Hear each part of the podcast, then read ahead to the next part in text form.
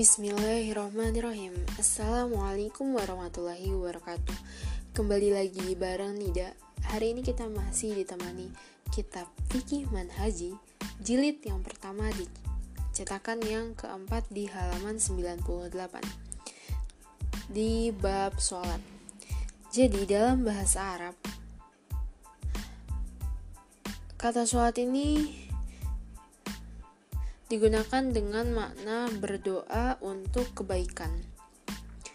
Dalam firman Allah di surah At-Taubah ayat 103, "Wasolli alaihim inna sholataka sakanul lahum."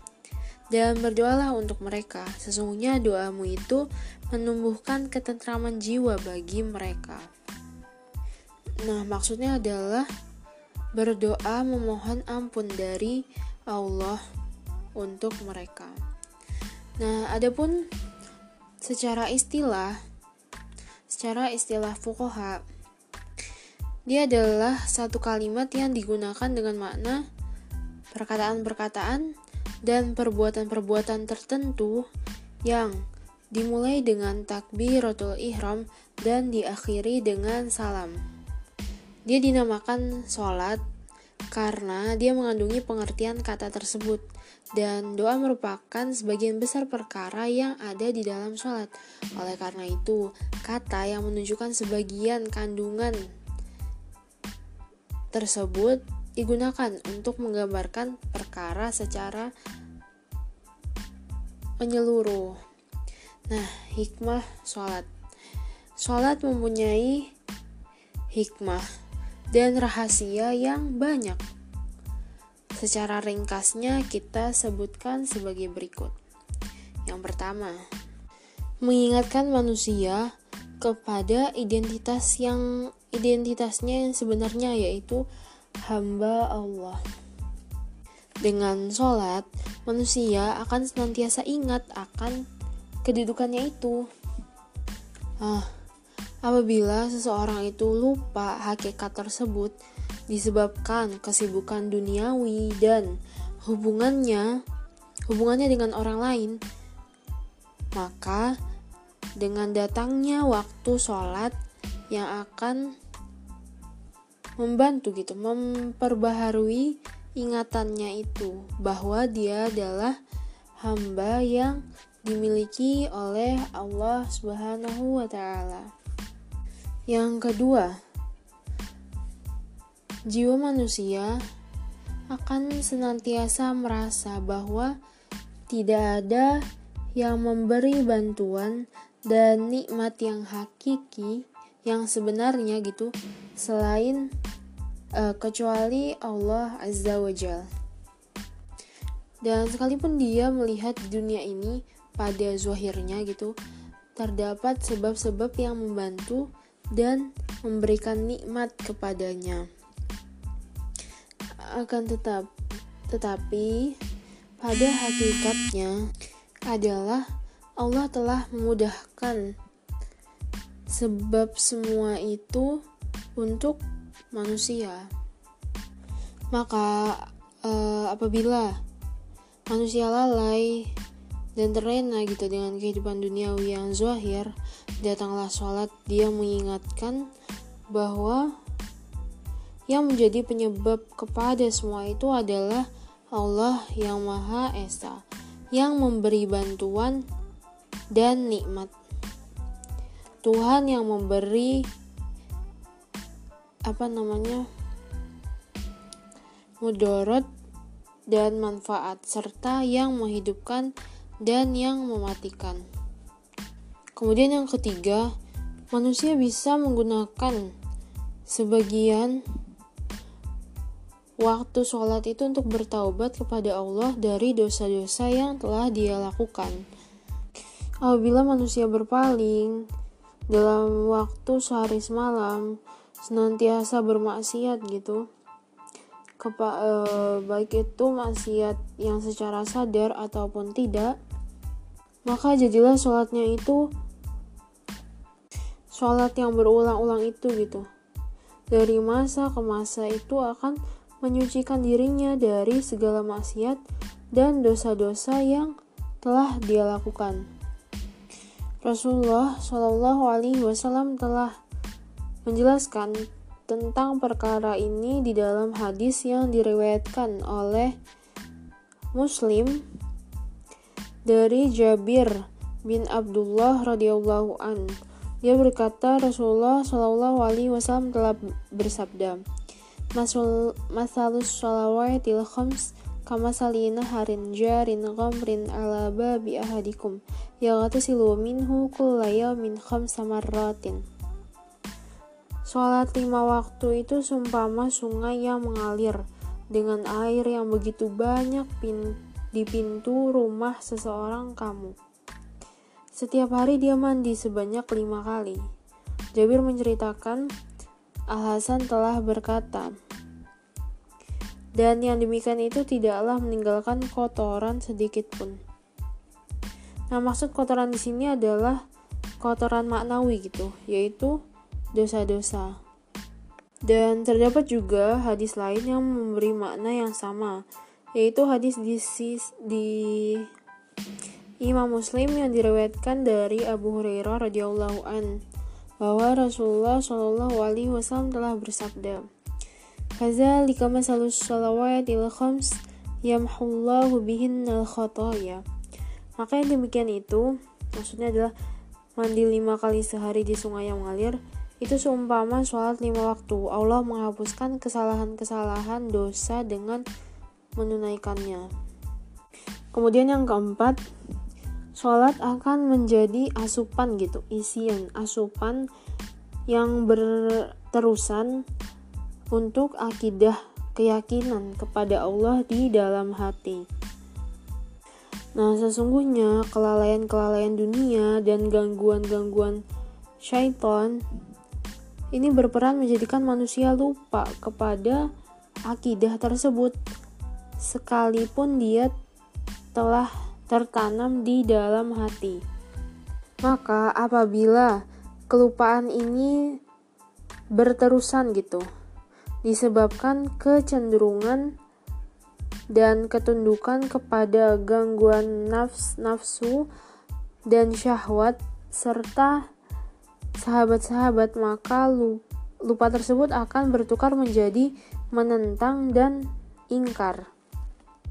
Keadaannya ini sama seperti sepohon sepohon yang terputus e, akarnya sehingga nggak ada masuk bekalan air gitu yang menyebabkan dia jadi layu untuk seketika. Kemudian dia akan mati. Jadilah akar tersebut akan bertukar menjadi sebatang kayu api yang kering. Akan tetapi, seorang muslim apabila dia senantiasa menunaikan sholat, maka dia akan mendapatkan asupan untuk keimanannya dan akan menyebabkan dunia dan segala bentuk kelalaiannya tidak mampu melemahkan atau mematikan iman di dalam hatinya. Kemudian sejarah disyariatkannya sholat. Sholat merupakan ibadah yang telah disyariatkan oleh Allah sejak zaman dahulu. Allah Subhanahu wa taala telah berfirman dengan Nabi Ismail alaihi salam di surah Maryam ayat 55. Wa kana ya'muru ahlahu bis-salati waz-zakah وكان عند ربه مرضيا dan dia menyuruh keluarganya untuk melaksanakan sholat dan menunaikan zakat dan dia seorang yang diridhoi di sisi Tuhannya. Maka sesungguhnya agama Nabi Ibrahim dan pengikut Nabi Musa alaihi salam juga telah mengenali ibadah sholat ini. Allah telah berfirman di atas lisan atau lidah Nabi Isa alaihi salam. Wa uswani bis sholati zakati madum tuhayya. Dan Allah telah memerintahkan kepadaku untuk melaksanakan sholat dan menaikkan zakat selama aku hidup. Di surah Maryam ayat 31. Dan ketika Nabi Muhammad Shallallahu Alaihi Wasallam diutus gitu, Baginda sholat dua rakaat setiap pagi dan dua rakaat setiap petang. Dan ketika Nabi Muhammad Wasallam diutus, eh, Nabi sholat dua rakaat setiap pagi dan setiap sore dua rakaat. Nah, sebagian ulama berpendapat bahwa kedua sholat ini yang dimaksudkan dalam firman Allah yang ditunjukkan kepada Nabi Shallallahu Alaihi Wasallam. Wasabi bihamdi rabbika bil wal ibkar dan bertasbihlah seraya memuji Tuhanmu pada waktu petang dan pagi. Kemudian sholat-sholat yang diwajibkan. Nah, sholat-sholat yang diwajibkan ke atas setiap muslim yang mukallaf adalah sholat subuh, zuhur, asar, maghrib, dan isya. Nah, kelima sholat ini disyariatkan oleh Allah ketika Nabi Shallallahu Alaihi Wasallam diisrokan ke Baitul Maqdis, kemudian diangkat ke langit. Allah Subhanahu wa taala telah mewajibkan ke atas nabinya dan seluruh orang-orang Islam dengan 50 waktu sholat sehari semalam. Kemudian Allah meringankannya ke kepada lima waktu. Nah, lima waktu ini hanya dari segi menunaikannya, tetapi pahalanya tetap seolah-olah 50 waktu. Nah, terdapat di hadis Isra dan Mi'raj sebagai yang diriwayatkan oleh Bukhari dan Muslim bahwa Rasulullah telah bersabda, furja an saqfi baiti wa ana bi Makkah. Fanazala Jibril summa akhadha biyadi fa'araja bi ila sama. Fafaradallahu ala ummati khamsina sholah. Faraja'tuhu faqala hiya khamsun wa hiya khamsuna la yubaddalul qawl ladai. Ya, artinya telah dibuka atap rumahku, sedangkan aku ketika itu di Mekah. Lalu Jibril turun, kemudian dia memegang tanganku dan mengangkatku ke langit. Kemudian Allah telah mewajibkan ke atas umatku dengan 50 waktu sholat. Lalu aku ber, ber, berbolak-balik kepadanya. Kemudian Allah berfirman, dia hanya lima waktu dari segi kewajiban menunaikannya dan 50 waktu dari segi pahala tidak diganti lagi kata-kata di sisiku. Dan menurut pendapat Sahih, peristiwa Isra ini berlaku 18 bulan sebelum hijrah Nabi Shallallahu Alaihi Wasallam ke Madinah. Nah, maka eh, dengan demikian, sholat lima waktu yang diwajibkan itu telah memansuhkan sholat dua rakaat pada waktu pagi dan petang. Kemudian dalil disyariatkannya. Nah, telah tetap dalam banyak ayat-ayat Al-Quran dan hadis-hadis yang menyebutkan tentang kewajiban sholat. Di antaranya dalil-dalil dari Al-Quran adalah yang pertama firman Allah dalam surah Rum ayat 17 dan 18. Fasubhanallahi hina tumsuna wa hina tusbihun Walau alhamdu fis samawati wal ardi wa wa hina tuzhirun Maka Bertasbihlah kepada Allah pada petang hari dan pada pagi hari. Dan segala puji baginya baik di langit dan di bumi, pada malam hari dan pada waktu zuhur, pada tengah hari gitu.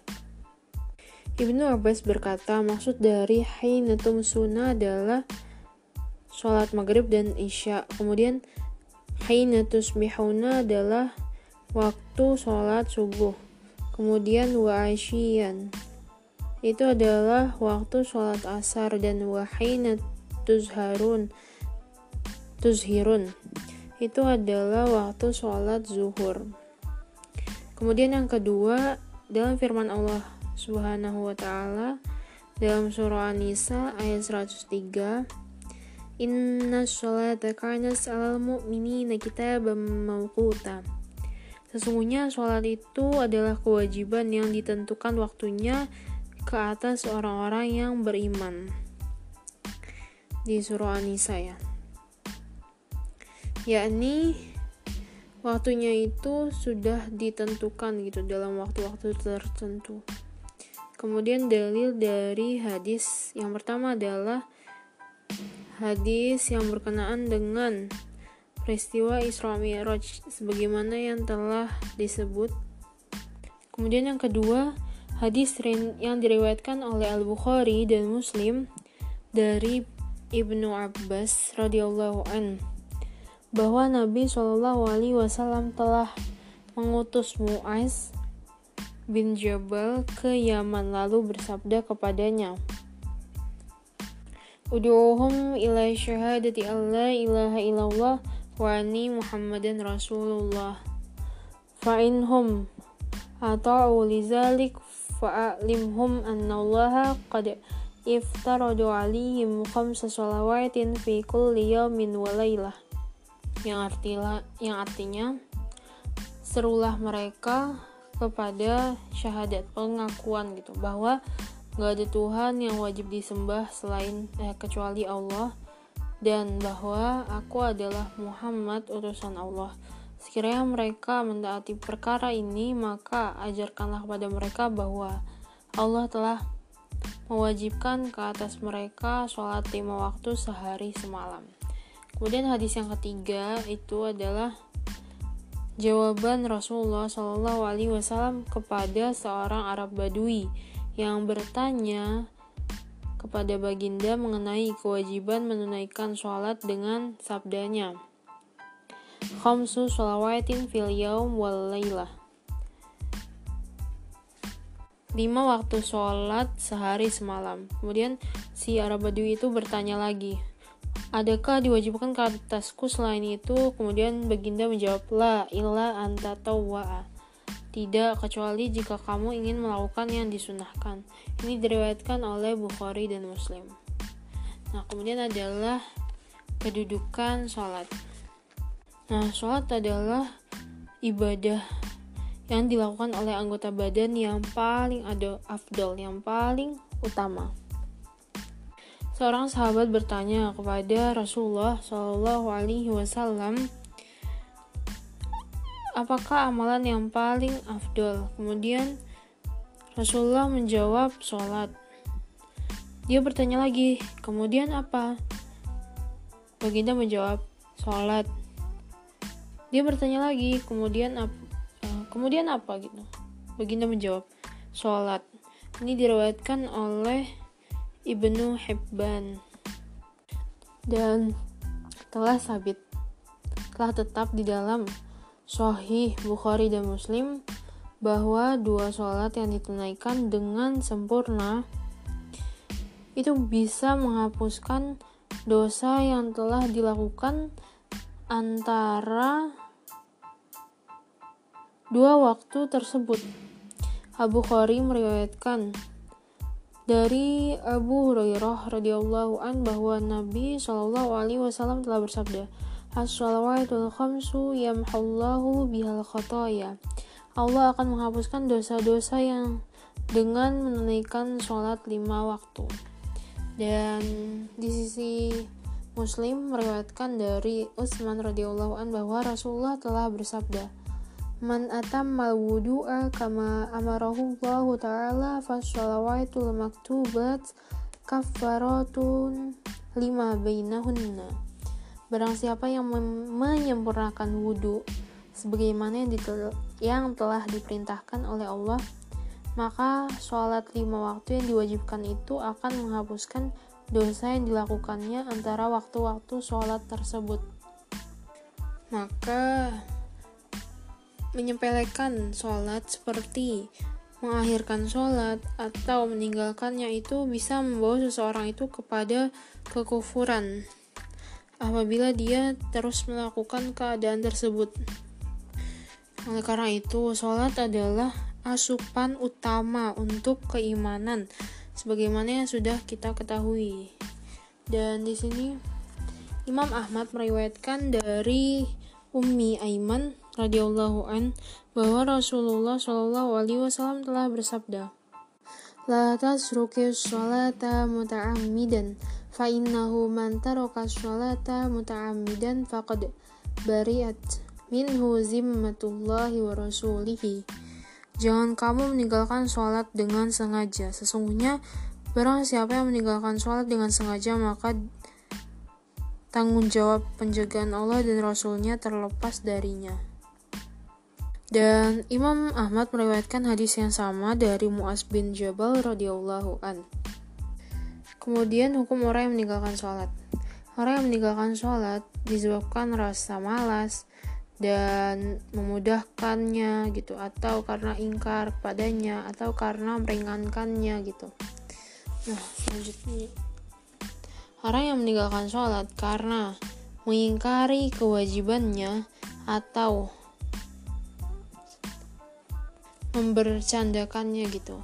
Dia dihukumi kafir dan murtad maka wajib ke atas pemerintah Islam itu untuk menyuruhnya supaya bertaubat. Apabila dia bertaubat dan mendirikan sholat, maka itu harusnya begitu gitu. Dan kalau dia nggak mau, dia hendaklah dibunuh disebabkan kemurtadannya. Dan tidak boleh memandikan, mengkafankan, dan menyolatkannya. Dan dia juga tidak boleh di dikuburkan di perkuburan Islam karena dia bukan dari golongan mereka. Kemudian, apabila seseorang meninggalkan sholat karena malas dan dia masih beriktikat bahwa sholat itu wajib, maka menjadi tanggung jawab pemerintah untuk memerintahnya supaya mengkodokkan sholatnya yang telah ditinggalkan dan bertaubat dari dosa meninggalkan sholat. Kalau dia enggan, maka wajib dibunuh sebagai melaksanakan hukuman hudud. Dan dengan arti lain, dengan kata lain adalah hukuman bunuh yang dikenakan itu dianggap sebagai hukuman hudud karena dia dianggap sebagai pendurhaka di kalangan orang Islam. Dan juga tambahan Hukuman orang yang meninggalkan perkara yang difardukan adalah diperangi. Walau bagaimanapun setelah dibunuh, dia tetap dianggap sebagai orang Islam dan diuruskan jenazah dan harta pusakanya sebagai orang Islam yang lain. Ini karena dia masih termasuk di kalangan orang-orang Islam. Dan Imam Bukhari dan Muslim meriwayatkan hadis dari Ibnu Umar radhiyallahu an bahwa Rasulullah telah bersabda, Umirtu an uqatilan nasa hatta yashudu an la ilaha illallah wa anna muhammadan rasulullah wa yuqimu sholah wa yutu zakah. Fa iza fa'alu zalika asamu minni dima'ahum wa amwalahum illa bihaqqil islam wa hisabuhum ala Allah ta'ala Aku diperintahkan untuk memerangi manusia sampai mereka mengakui bahwa gak ada tiada Tuhan yang wajib disembah kecuali Allah. Eh melainkan Allah. Dan Nabi Muhammad itu adalah utusan Allah. Dan mereka mendirikan sholat, menaikkan zakat. Maka apabila mereka melakukan demikian, darah dan harta mereka itu terpelihara dengan cara yang hak yang dibenarkan oleh Islam. Dan untuk perhitungan mereka itu terserah kepada Allah. Nah, hadis ini menunjukkan bahwa orang yang mengucapkan dua kalimat syahadat tetap akan diperangi kalau dia nggak mendirikan sholat, tetapi dia tidak dihukumi kafir. Dengan dalil kepada hadis yang diriwayatkan oleh Abu Daud dan lainnya dari Ubadah bin Al-Samit radhiyallahu an dia berkata, "Aku telah mendengar Rasulullah Shallallahu alaihi wasallam bersabda, khamsu salawatin katabahunna Allahu alal ibad faman jaa bihinna lam yudayyi minhunna syai'an istighfafan bihaqqihin. Kana lahu indallahi ahdun an yudkhilahu jannah wa man lam yati istighfafan bihaqqihin kana lahu indallahi ahdun an yudkhilahu jannah wa man lam yati bihinna falaysa lahu indallahi ahdun insya'a azzabahu wa insya'a adkhalahu jannah yang artinya sholat lima waktu telah diwajibkan oleh Allah atas hamba-hambanya. Barang siapa yang menunaikannya, artinya adalah dia tidak menyanyiakan suatu pun dari kewajiban tersebut, lantaran memandang ringan terhadapnya. Maka dia memiliki perjanjian di sisi Allah bahwa dia akan dimasukkan ke dalam surga. Dan barang siapa yang tidak menunaikannya, maka dia tidak ada apa-apa perjanjian di sisi Allah. Sekiranya Allah menghendaki, dia akan mengazabnya dan jika dia menghendaki, dia akan memasukkannya ke dalam surga. Maka hadis ini menunjukkan bahwa orang yang meninggalkan sholat ini tidak dihukumi kafir.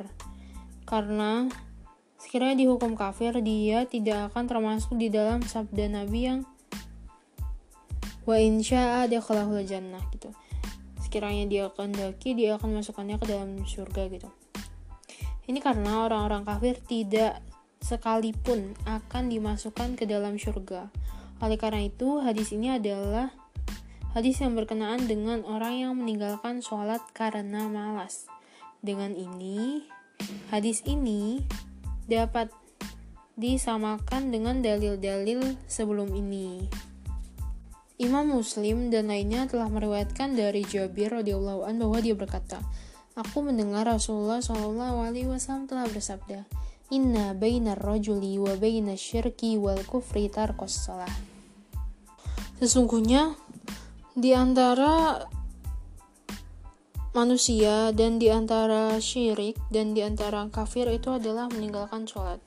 Nah, hadis ini ditunjukkan kepada orang yang meninggalkan sholat dalam keadaan mengingkari kewajibannya atau me membercandakannya atau meremehkan kedudukannya.